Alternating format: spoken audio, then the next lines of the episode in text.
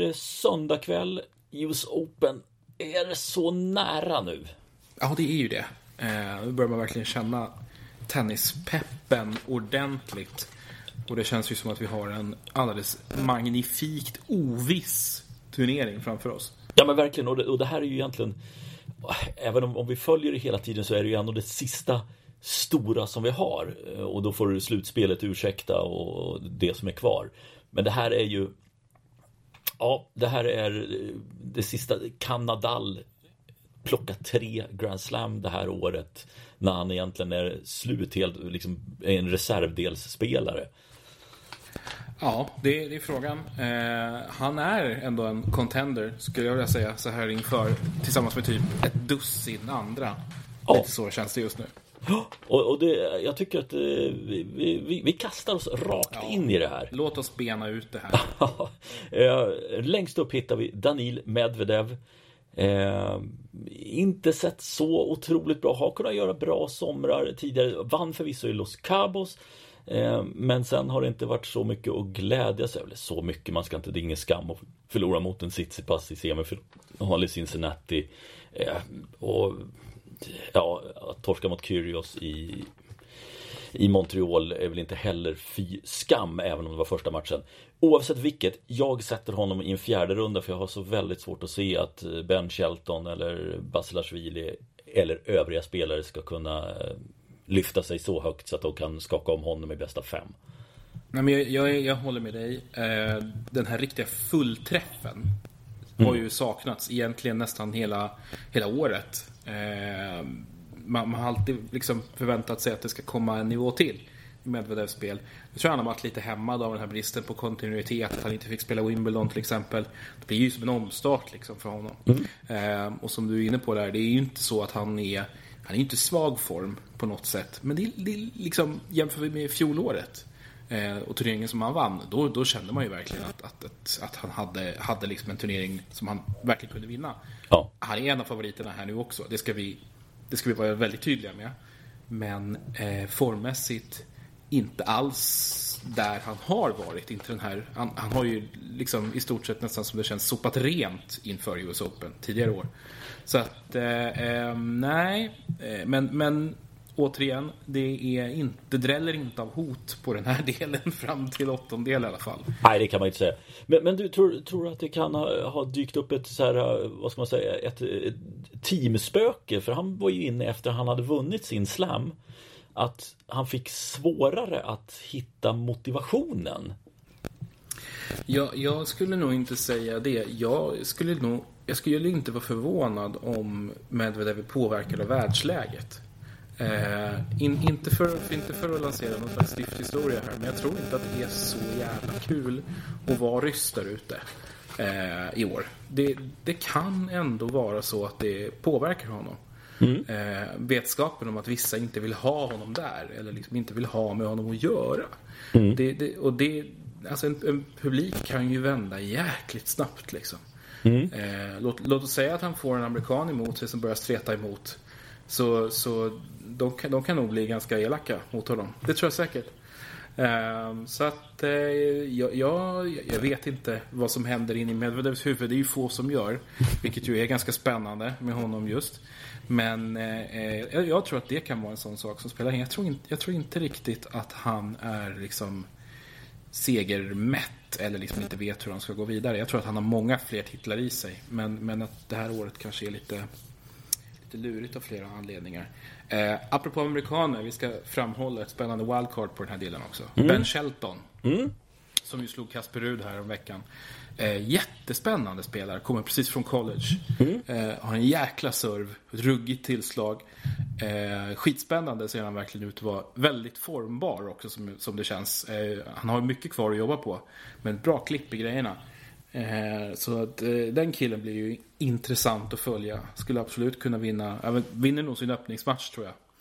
Eh, mot Nuno Borges där. Ja, kvalspelare från Portugal. Mm. Inte dumt alls.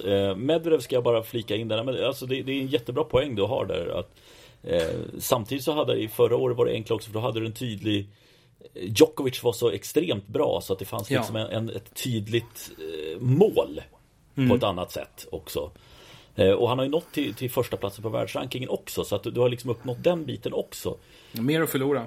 Ja, eh, så, så är det Men eh, en bra teori som du slänger fram där och jag backar bakåt och flyttar ner till nästa del av den här lottningen och det här tycker jag blir komplicerat. Sidade spelare är Kyrgios och Bautista Agut.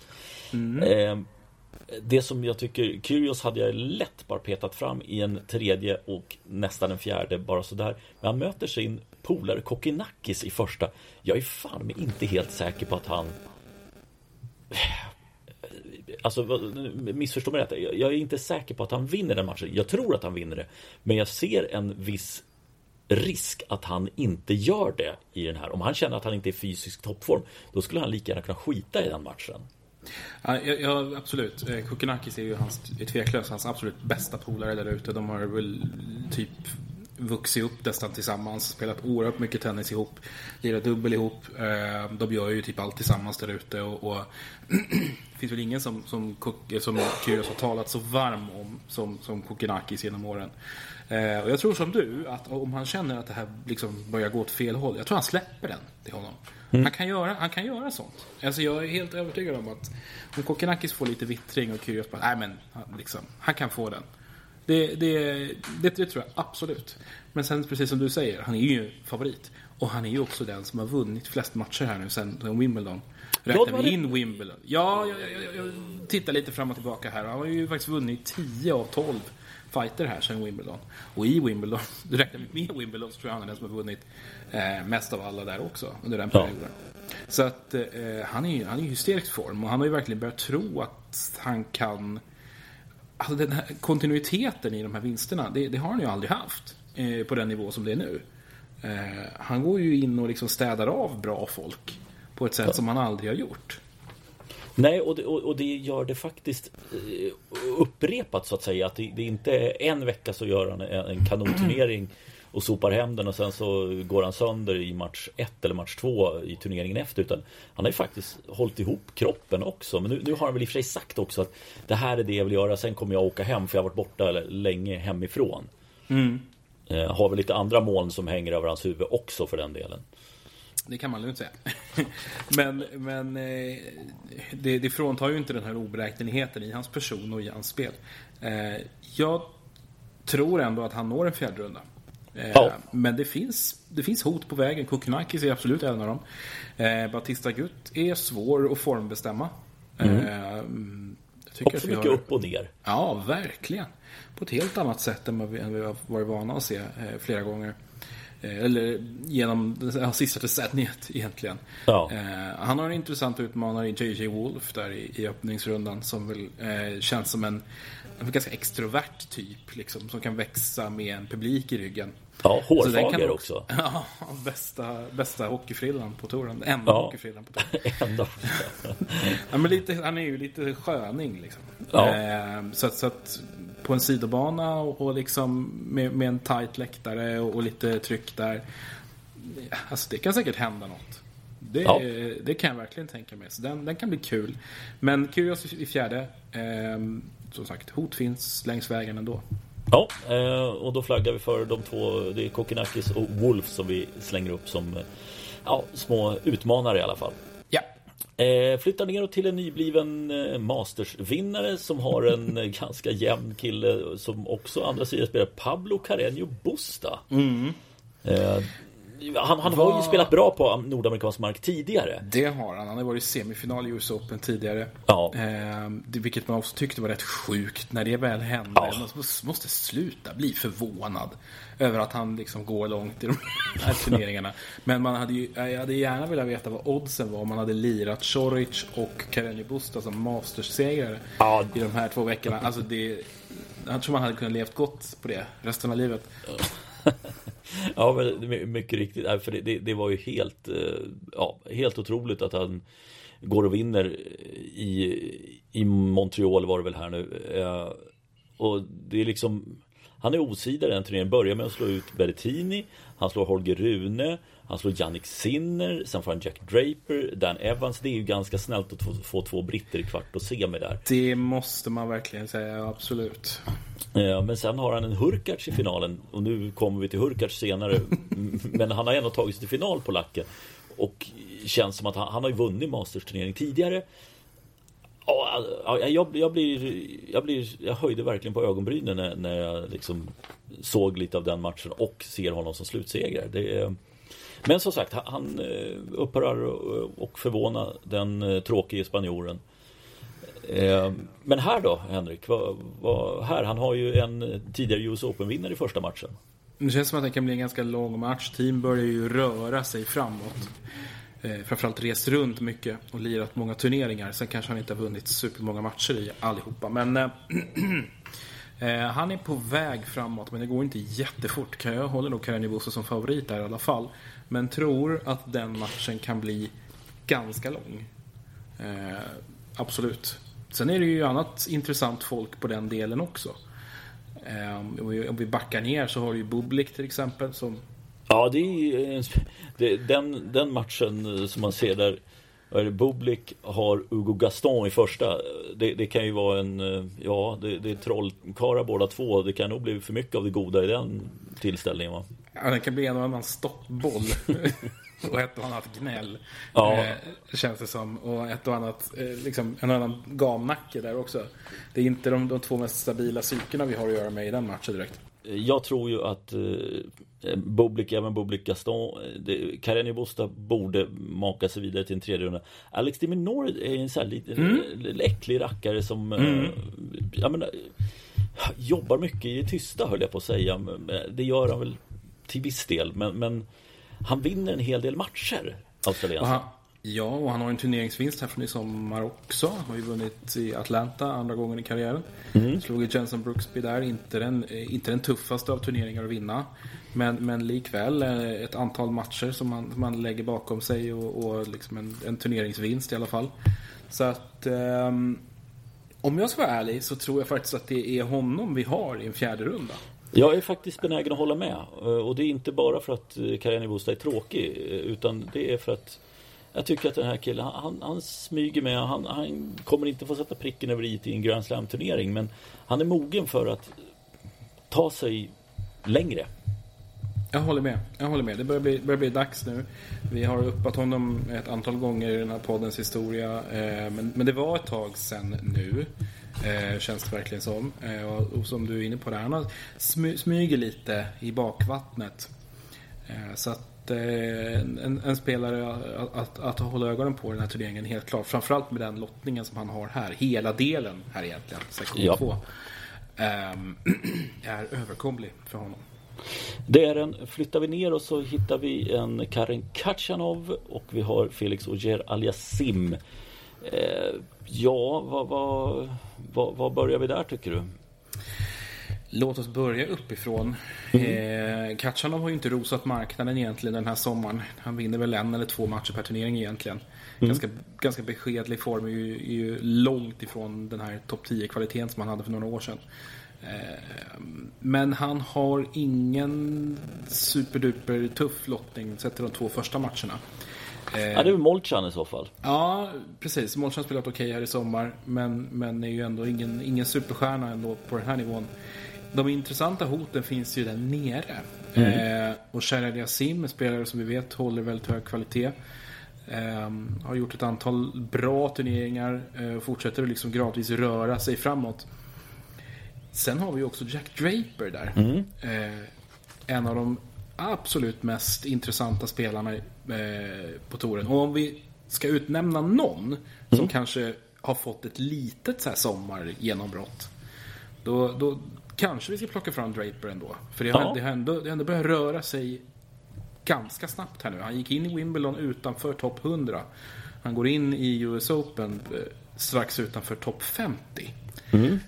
Um, ja, det är ett ordentligt, det är ett ordentligt tryck. Han var i kvarten i Montreal eh, här in, inför eh, US Open. Eh, så att, och Nej men det, det, jag tycker att det, det, är kul när det kommer upp ytterligare en britt. Det börjar bli några stycken nu också som eh, flyttar sig uppåt på rankingen. Det är väl en, en, en slutgiltig Murray-effekt, får man väl ändå säga. Ja, det, Eh, det här är ju killar som är födda runt millennieskiftet som jag antar har börjat spela tennis mycket på grund av honom. Eh, som kanske var en 7-8 år liksom, när, när han började eh, slå igenom och vinna titlar. Mm. Så att eh, Draper är intressant. Jag, jag landar nog ändå i Osher Al Yassin Ja, i jag har... en åttondel. Men, ja, men eh, intressant möte i andra rundan med Draper. Känner jag. Mm. Eh, Och då har vi plockat bort att Draper då plockar bort eller vinner mot eh, Emil Rusovori som han har i första. Ja, det, det tror jag ändå han gör. Mm. Eh, där har vi det. Sen flyttar vi ner och här var det fram till tredje rundan så är det Stefanos Tsitsipas och Maxim Cressy. Eh, Tsitsipas pratade vi lite inför här och, och eh, formmässigt, han är inte dålig. Han går till final i Cincinnati och eh, här har han, tycker jag, egentligen en jättemöjlighet. Eh, fram till tredje rundan, det, det tror jag liksom inte är en, det, det är liksom ingen diskussion om att det skulle vara något som fäller krokben för honom där. Eh, I en tredje runda och en Maxim Cressy som är lite lurig. Eh, det är väl det som kan kännas som ett hinder men jag tror att han övervinner honom också i typ 3-1 i set eller något sånt där. Jag, tycker det är ett logiskt resonemang. Um, Cressy kan vara lite obehaglig. Man, vet ju väldigt mycket vad han kommer med. Eh, om Tsitsipas gör en dålig match så finns det absolut potential för Cressy att ta sig vidare till fjärde runda. Ehm, och Tsitsipas är ju inte i någon så här kalasform. Han var ju i en, en final här i en av Masters-turneringarna på vägen hit. Men har egentligen haft en ganska svajig sommar. Mycket toppar och dalar. Ehm, och, och har, har liksom var, varvat väldigt bra insatser med betydligt sämre. Ehm, jag tycker att han känns liksom kanske lite tyngd av att, att det finns förväntningar på honom. Att han ska röra sig framåt och, och ta sig längre i, i fler turneringar än vad han har gjort. Men eh, som du säger, motståndet är ändå så pass beskedligt. Den här fjärde rundan ska han ju gå till. Jag Ja. tycker det. Ja. Eh, Det, ja, men aldrig, det skulle vara ett, ett stort fiasko skulle jag säga om han Ja, åker ut för det. fjärde. Det är det. Eh, Och då i en fjärde runda, vem möter han där? Ja, jag plitade faktiskt snabbt ner Berrettini där, måste jag lite snabbt säga. Ja, ehm, även, även Berrettini är också svår att formbestämma just Ja, nu. verkligen. Har, inte, har verkligen inte rosat marknaden han heller de här veckorna. Eh, men vi vet ju vad han eh, är kapabel till och han har ju en liten sån där mean streak när det, när det börjar närma sig tyngre turneringar. Mm. Det känns som att han blir bättre då. Så att ehm, och det är en relativt svag del det här också. Eh, Ja. Murray är, svår, är liksom jobbig att överkomma men det känns som att han börjar bli trött och sliten. Ehm, Ja, framförallt två femsetsmatcher in i turneringen för att Ja. eh, han får ju inga Det är ju inga enkla matcher för Murray utan han, är ju ute där i tre timmar, 3.45 Eh, Så att han sliter ju till sig segrarna men, men samtidigt sliter det så mycket på, på britten också så att mm, Nej Nej, Berrettini och Tsitsipas. Mm, eh, Helt överens eh, Flyttar vi ner så har vi Fritz och van de Zandskulp eh, Och de två borde väl mötas i en tredje runda även om vi har en tidigare US Open-vinnare där också men han har passerat Zenit för länge sedan och har svårt att vinna matcher överhuvudtaget Stan Wawrinka Stämmer bra. Van de Zandskulp har ju eh, landat på en väldigt eh, trygg lägstanivå tycker jag. Spelade loserveckan här nu och fram i semifinal. Känns det kanske inte som att han krämade ur allt han hade där. Utan- mest liksom för att få ett formbesked. Eh, stabil och stadig. Eh, Det kommer att räcka till en tredje omgång. Där blir Fritz för svår. Apropå att ha landat på en vad ska man säga, en, en hög lägsta nivå, en, en, en stadig grund att stå på. Det har han ju verkligen, amerikanen. Ja. Ehm, och jag tycker spontant att, att med den lottning han har, alltså en, en andra vecka för Taylor Fritz känns ju i underkant. Han kommer att ha potential att, att nå ja, minst lika långt som Wimbledon tycker jag, om inte längre. Ja, men intressant. Jag är helt med. Det, det, det finns liksom ingenting att diskutera tycker jag. Van der Sandskog absolut flyttat upp men Fritz är bättre nu. Eh, och det är ju bara att ja, det enda är att det knyter sig för att det är hemmaplan. Men jag tror att när han kommer dit så känns det som att nej, Taylor Fritz är också min kille i fjärde rundan. Eh, längst ner då? Ja, ehm, den är intressant och lite lurigare. Ja, Ehm, här är det svårt. Ja, jag, jag håller med. Det finns mycket intressant folk här. Ehm, den som sticker ut och som är min gubbe i en fjärde runda just nu, det är Tommy Paul. Ehm, som ju också är väldigt trygg på eh, hemmaplan, på det här underlaget. Ehm, och ganska bra på att, på att stöka av sämre rankade spelare. Han har ändå en intressant andra runda här i, i sin landsman, Sebastian Korda. Som ju har haft en del skadeproblem och som ju är lite svårare också att att sortera in formmässigt just nu. Ja, Ehm, slog, han slog ju Katjanov till exempel som vi pratade om tidigare. Ja, här, och, eh, så nej, jag, jag håller med, det, det är svårt. Jag har ju valt eh, Kasper Rud faktiskt. Du har det? Ja. Eh, baserat på att han kan ju spela där, han visar ju bra i våras också. Även om han nu inte riktigt har gett mig det jag vill se egentligen. Eh, torskar ju mot Shelton som vi nämnde, nämnde tidigare. Eh, sen var han ju faktiskt i, i, i kvarten i Montreal ska man ju säga och slog Bautista Agut Torskade, eller han var i semi till och med, han förlorade mot Hurkacz i semi. Så att, att, att han kan där, det, det nej, jag, jag, jag tror faktiskt att han tar det men jag, jag, jag kommer inte skämmas om du får sitta där och göra V-tecknet med Tommy Paul i fjärde rundan. Nej, alltså det är klart att man ska ju absolut inte räkna ut Kasper Rud. Eh, den där den förlusten mot Shelton, den sved nog tror jag. Det var en ganska, ganska redig tillplattning. Eh, Och annars så, han har ju inte spelat supermycket på hardcourt i sommar. Han hängde kvar på gruset ganska länge, vann ju i Gestad. Där han ju faktiskt slog Berrettini, vilket ju är en, en eh, ganska fin seger. Men vi minns ju också hans insats i Båstad som inte var överdrivet inspirerande egentligen. Nej. Ehm, så att eh, en av, en av många som vi inte riktigt vet vad vi har. Ehm, och då, då, väljer jag, då, då väljer jag Paul-spåret. Så att hela amerikansk är åttondel för mig. Mellan Ja. Fritz och Paul. Eh, ja, smakfullt där i New York. Eh, då flyttar vi ner till den nedre halvan då och här har vi också när vi pratar om ojämnheten själv så är han nog personifierad i form av Hubert Hurkacz va? Eh, det kan man väl ganska lugnt säga. Ska jag dra eh, Ja. Hu- Hubert Hurkacz eh, turneringsfacit sen eh, Franska öppna? Kör hårt! Stuttgart, förlust direkt. Halle, seger. Wimbledon, förlust direkt. Washington, förlust direkt. Eh, Montreal, final. Cincinnati, förlust direkt. Ja, det är Så det, är, det är final eller så är det pannkaka. Det är det vi har på Hubert Hurkacz. Det, det är den gamla, gamla vanliga Hurkacz som vi trodde att vi hade blivit av med. Ja, Han är men tillbaka. faktiskt. Eh, det, det, och det, blir ju, det blir ju så svårt att bestämma. Jag har ju inga som helst problem att sätta honom i en tredje runda. Även om eh, visst Oscar 80 kan väl möjligtvis ta någon eh, Var lite, lite eh, otäck första omgångsmotståndare. Men Sam Querrey i en andra runda, det är liksom, han, han har inget att säga till om. Han vinner nog inte den heller, för han möter ju Varska i första. Hurkacz är för bra för dem. En tredje runda och då möter han, inte Musetti tror jag, utan jag tror att Goffin faktiskt står där. Jag håller med dig. Um, Goffin är min gubbe fram i tredje rundan också.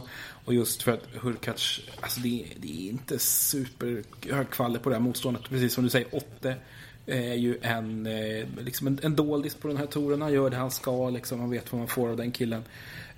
Um, notera att vi har Manarino eh, Ja. som, som Goffin kan, Goffin kan stöta på. Eh, Manarino som ju vann i Winston-Salem här precis. Eh, Andra turneringssegern. Ja, hyfsade till sitt finalfacit här till 2-9. Mm. Eh, inga Benetoa-takter där längre inte, utan nu, nu står vi på dubbla titlar och eh, har verkligen besegrat sitt finalspöke. Ja men verkligen, och ganska sent i karriären också så man måste ju ändå glädjas med fransmannen att han faktiskt får sätta pricken över i, i nu två turneringar.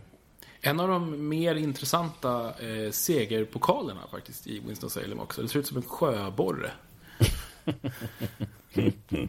Ja, det blir mer, det är pokalen som är mer ihågkommen än vad turneringssegrarna är i den turneringen. Annars är ju, när vi är ändå inne på den fronten så håller jag ju fortfarande Omag som eh, solklar etta. Eh, det är ju alltså, tänk Stanley Cup-bucklan i blått glas. Med eh, lite diverse pynt på. Den är, den är, uff, Ja, det är man- något helt annat. Ja, men jag, jag, ibland kan jag säga när, när man ser de här grejerna Jag har ju så dåligt minne så jag, jag kommer inte ihåg så mycket men det är så här Man fascineras av Vad i helvete håller ni på med? Vad, vad är det här för någonting? Alltså, varför då liksom? Det, ja. ja, men, men visst, det, det, finns ju så att man några kommer ihåg. Men man undrar liksom, vad, vad gör de? Det, det är ju inte så att de tar hem den. Där stannar ju kvar. Där, ja, ja, den gör ju det. Ja, jag undrar liksom hur det gick till. Den som fick uppdraget att forma just Omag-pokalen. Den är... Wow! Är det Kroatiens Ernst Billgren kanske? Ja, vi får nästan gå till botten med det till nästa gång. ja, håll oss på halster Henrik. Japp. Eh, du, eh, ja men bestämde vi där. Var det Hurkacz som gick till fjärde rundan va? Får väl ändå säga det. Alltså det är ju inte så att någon av de andra har liksom Har vi Hurkacz i liksom ett i finalform. ja. Är typ varannan vecka då uppenbarligen. Då, då är han ju given i en fjärde runda. Annars kan Goffin bli lite stökig. Um, men nej, jag måste ändå sätta Hurkacz där framme. Du, du får ja. väl fel då. Ja. Men, men eh, det, det, är det logiska alternativet trots hans sjukt spridda skurar. Mm. Eh, insatsmässigt. Ja, eh, motståndare i fjärde rundan. Där har vi Grigor Dimitrov och Jannik Sinner som mm. sidade spelare.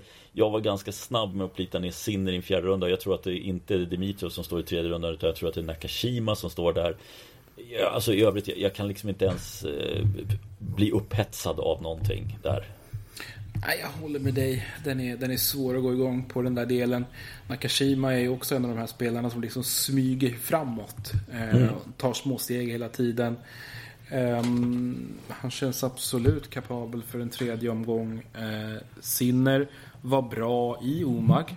Uh, där mm. han ju slog uh, Alcaraz. Sen har det varit ganska beskedligt igen, precis som mm. innan. Eh, så han blixtrar till lite där och sen så landar han på den här nivån när han vinner ett par matcher per turnering och eh, fortsätter att spela tillräckligt bra för att det inte ska börja liksom upplevas som ett problem. Ehm, men här är ändå motståndet så pass överkomligt så att han ska nå den här åttondelen, det tror jag, mot Hurkacz. Hurkacz Sinner alltså. Eh, då flyttar vi ytterligare ett steg neråt och då hittar vi Marin Cilic. Och det är ju lite kul med Marin Cilic. Och eh, på andra sidan där av de sidade spelarna så är det Carlos Alcaraz och eh, vad säger du? Eh, nej, det är inte alls Alcaraz, det är Evans, förlåt. Evans eh, faktiskt haft bra veckor här eh, i, i eh, Masters-turneringarna som har varit. Mm. Eh, så att eh, allt, alltid en jäkla lurig spelare att, att ställas mot. Eh, som sagt semifinal i Montreal, sen så åkte, mm. ut, åkte du direkt i Cincinnati. Eh, men, men som sagt, en semifinal, hans andra i karriären på mastersnivå tror jag. Så det är ändå någonting mm. att ta, ta sig med in. Cilic är ju liksom en stadigare pjäs, så att säga. Han har ju ändå vunnit här också. Eh, så det är, det är en intressant matchup dem emellan. Jag håller nog Cilic lite grann som Eh, favorit är nog en, en fjärde omgång. Han har gjort det här så många gånger förr, även om det inte är samma bett i grejerna som då. Nej, men vi ehm. såg ju lite hur, hur det var i Franska öppna där, han, där han liksom gick fram och, alltså lite som att Oket hade släppt från honom att han eh, inser att jag är i slutet liksom. Det är bara att blåsa på här för att ja, snart kommer jag inte kunna vara med och, och, kriga om en andra vecka. Snart är karriären över. Verkligen, det är sorglöst på något sätt. Ja. Det, det, det, det, nej men det är ingen, ingen ågren i det han håller på med längre. Utan, utan han går in och kör. Ja. Och det hoppas vi att det betalar sig då till en fjärde runda här. Absolut. Helvete vad överens vi är. Eh, här kommer vi till något lurigt. Borna Choric har ju mm. kämpat sig tillbaka efter eh, sju sorger och åtta bedrövelser. Eh, han är sidad. Det är även Carlos Alcaraz. Eh, Alcaraz var ju inga problem att plita ner till en tredje runda. Eh, Verkligen inte. Och sen Choric har ju i första rundan KK, fransmannen, kvalspelaren. Sen är det Lajovic eller Brooksby andra. Brooksby kan det är på nordamerikansk mark förvisso. Men han har inte levt upp till det han presterade i fjol tycker jag. Eh, det känns som att eh, om man inte är för nöjd med den turneringssegern som han ändå lyckades med Choric, för det är ju en riktig superskräll. Eh, så borde han vara i en tredje runda. Om man, om man lyckas liksom konservera någonting av den här formen så ska det, ska det räcka. Brooksby är det stora hotet där helt klart. Men han står ju lite och stampar. Jag tycker mm. att vi har kommit in i ett antal turneringar där man känt att liksom, finns det en väg fram för Brooksby och, och liksom man vet vad han är kapabel till. Och, men det, det, det, han, har, han har hamnat lite grann på en platå som han har eh, halvsvårt att, att ta sig ur just nu. Så att... Eh, med där på ribban, Choric, ja det, alltså det är svårt att blunda för den här Masters-insatsen. Jag har ingen aning om var den kom ifrån. Den var helt sjuk. Ja. Um, så att, uh, men, men den, det ska räcka till någon gång tre. Där finns Alcaraz. Där är Alcaraz för svår. Mm. Ja, men det, det, måste vara, även om Alcaraz inte har rosat marknaden heller. Men... Nej, men det, det är liksom... Alltså man, man, ser på Alcaraz att det är liksom... Fan, det, det lirar inte hundra. Alltså det är inte... For, formen är inte där. Nej. Alltså attitydsmässigt tycker jag det ser bra ut och liksom tekniskt sett inga större problem. Men det är liksom det är något som lite skaver. Han känner det själv tycker jag. Det mm. syns på honom att liksom fan, det, det, det stämmer inte riktigt. Nej. Och det är svårt att sätta fingret på exakt vad det är. Han har ju all, liksom han, har, han har ju lite så här att han får jobba lite hårdare än andra i sin, i sin serve. Eh, och, och det, det är en, en sån sak kan nog vara extra jobbig. Eh, att liksom inte ha den här... Han har ju sin forehand att luta sig mot men, men då måste han ju få bollen i spel och, och liksom ha lite uppförsbacke där. Så att eh, absolut fjärde omgång på Carlos Alcaraz. Men, men eh, ja, det... Jag får hoppas att han kan växa lite då in i den här turneringen kanske. Mm, I annat fall blir det helt kroatiskt i fjärde. Men jag, jag, är, med på, jag, är, med, jag är med på Alcaraz. Det, det, det känns som att det, det, ja, det borde bli så. Eh, flyttar vi ner så hittar vi Cam Norrie som också är en riktig matchvinnare här under sommaren och Holger Rune, de två sidade spelarna. Men här har jag slängt fram en osidad spelare i fjärde rundan. Hit me. Ja, det, det är faktiskt en käftsmäll som jag ger när jag säger John Isner. Ja, alltså jag fattar ju det. Eh, jag förstår det. Eh, och det är ju rimligt på många sätt. Jag, jag har valt Norrie. Mm. Eh, Norrie är en av de absolut mest formstarka spelarna där ute överhuvudtaget. En av få, tycker jag, som är bra mm. vecka efter vecka hela den här sommaren. Eh, från Wimbledon egentligen, innan Wimbledon. Eh, så, så är han bra vecka efter vecka. Mm. Så att eh, han, han, han är min gubbe i fjärde rundan. Men ja, absolut. Jag har full förståelse för att du väljer Isner. Eh, ja, det är det tråkiga valet där. Eh, Holger Rune, det är väl inte så mycket att säga. Han har knappt vunnit en match här eh, sen Franska öppna. Men, Nej, två har han vunnit och det var en av dem mot Benoit Per och den andra hade han tur att vinna mot Fabio Fognini. Mm. Ja. Ja, det... det... är liksom, det är, det är inte de man behöver kanske om de inte är på humör så kanske inte är de man behöver kämpa hårdast mot. Nej, man bygger inte så mycket självförtroende i de två segrarna tänker jag. Och självförtroende det är ju en kille som har lite svajigt sånt också nästa eh, tårtbit och det är Dennis Chapovalov och Andrei Rublev. Mm. Eh, båda två går på ja, uppenbarligen formstarka spelare som var långt framme här i Winston Salem. Hessler för Chapovalov och Jere från Serbien för Rublev. Eh, men alltså det, det, fan, det är så fantasilöst att säga Andrei Rublev i fjärde rundan. Nej, jag säger Chapovalov i det här läget. Det finns ju ändå lite att backa upp Chapovalov med. Ändå. Han tog två ganska bra segrar i Cincinnati. Han slog Grigor Dimitrov och han eh, tryckte dit Tommy Paul. Mm. Så att det, det, är ingenting. Sen ryker han i två raka set mot Chapovalov. Eh, eller förlåt, mot eh, Medvedev. Ja. 5-7, 5-7. Så ja. att det, det, är inget, eh, det är inget att skämmas för. Det finns vissa tendenser kanske att han är på väg framåt. Men det är ju en säsong som har varit en enorm missräkning så här långt. Verkligen. Han ja men det får man lov att säga. 21 på racet. Ja, precis. Eh, tittar man på liksom vinstprocent så är han ju, gör han sin sämsta säsong på fem år. Han backar liksom ordentligt från de här senaste åren som han har, som han har haft, som har varit väldigt, väldigt framgångsrika. Mm. Ehm, och inte varit i någon, eh, inte varit i någon tourfinal eller någonting. Inte, senast är ju i Stockholm Open. Eh, förra, förra hösten. Så att, eh, nej. Jag eh, väljer ändå att slänga fram Roblev. Jag väljer det tråkiga alternativet. Ja, det, det är väl... Eh, ja, du får ingen, det blir ingen attack från mig på den grejen eh, heller. Eh, neråt då, Diego Schwartzman och Francis Tiafoe, de två sidade spelarna. Och här har vi även vår svenska representant i Mikael Iber som får en Eh, jättebra lottning i Jason Kubler från Australien Tycker jag i alla fall att eh, och, och Micke brukar ju faktiskt vara en sån spelare som lyfter sig i slams. Eh, Jag tror att han kommer möta TFO i andra rundan. Eh, Kubler har ju haft en ganska bra sommar. Eh, Det är väl det som skulle kunna vara hotet då egentligen. Mm. Ehm, var ju framme i fjärde runda i Wimbledon till exempel. Men det är väl det, är väl det då Micke har en det... större grund, grundkapacitet, upplever jag. Um, jag. jag. tror som du, att en TFO en andra runda, sen är det stopp. Mm. Um, och frågan är då vem TFO möter i en tredje omgång. Ja, varför inte Jack Sock? Ja, jag, jag satt faktiskt också och, och höll den öppen den platsen för Diego Schwartzman i all ära liksom att vi vet att han kan men en Jack Sock på hemmaplan som fan inte gör så många glad nu för tiden. Han kanske kan få med sig hemmapubliken och uh, ta en ordentlig skalp i, i Schwarzman och sen en Popular Säng från Taiwan i andra. Uh, så att visst, vinnaren i, i den matchen är ju den som står i tredje rundan. Jag tror att TFO går till fjärde rundan hur som helst oavsett vem av dem som står på andra sidan nät faktiskt.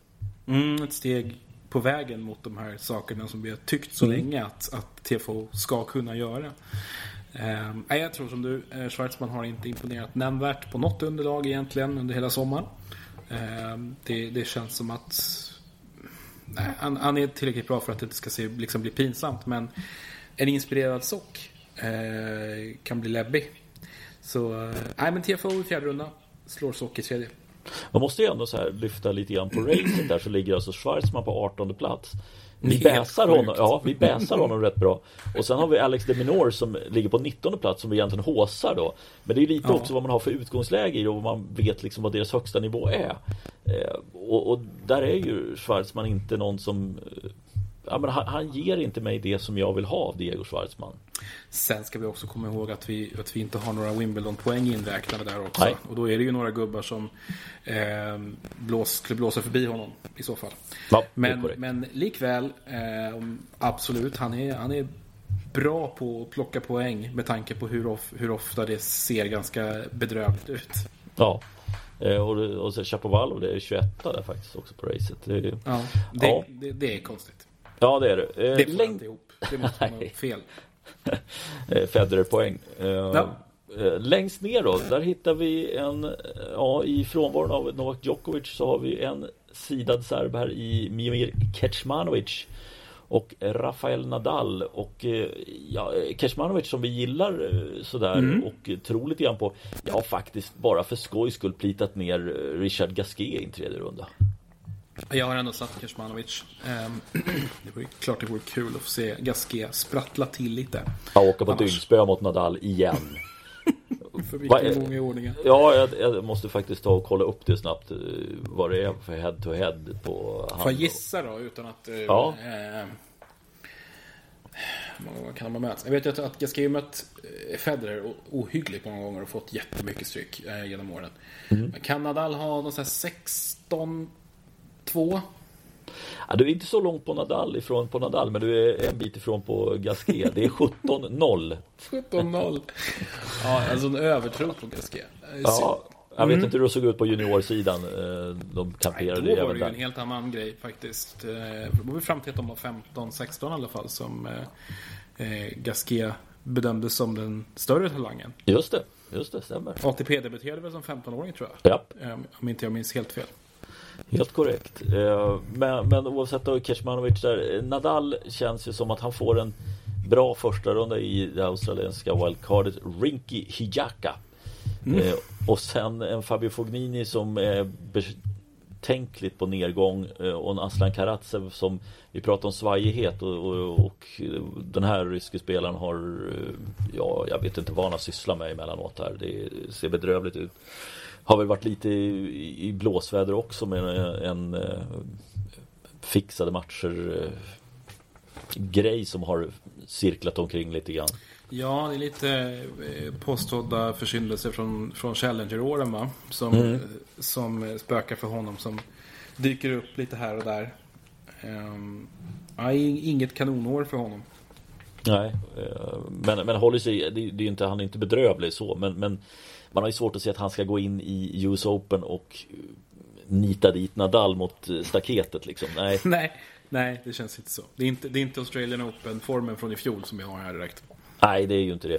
Och Nadal, han spelade i och förlorade mot Choric i Cincinnati. Uppenbarligen ingen skam i det eftersom Kroaten sen gick och vann hela turneringen. Eh, jag tror inte att det spelade så stor roll. Min känsla är ju att Nadal, eftersom han har vunnit två slams i år så går han stenhårt för US Open. Sen tror jag inte jag han spelar en turnering i höst.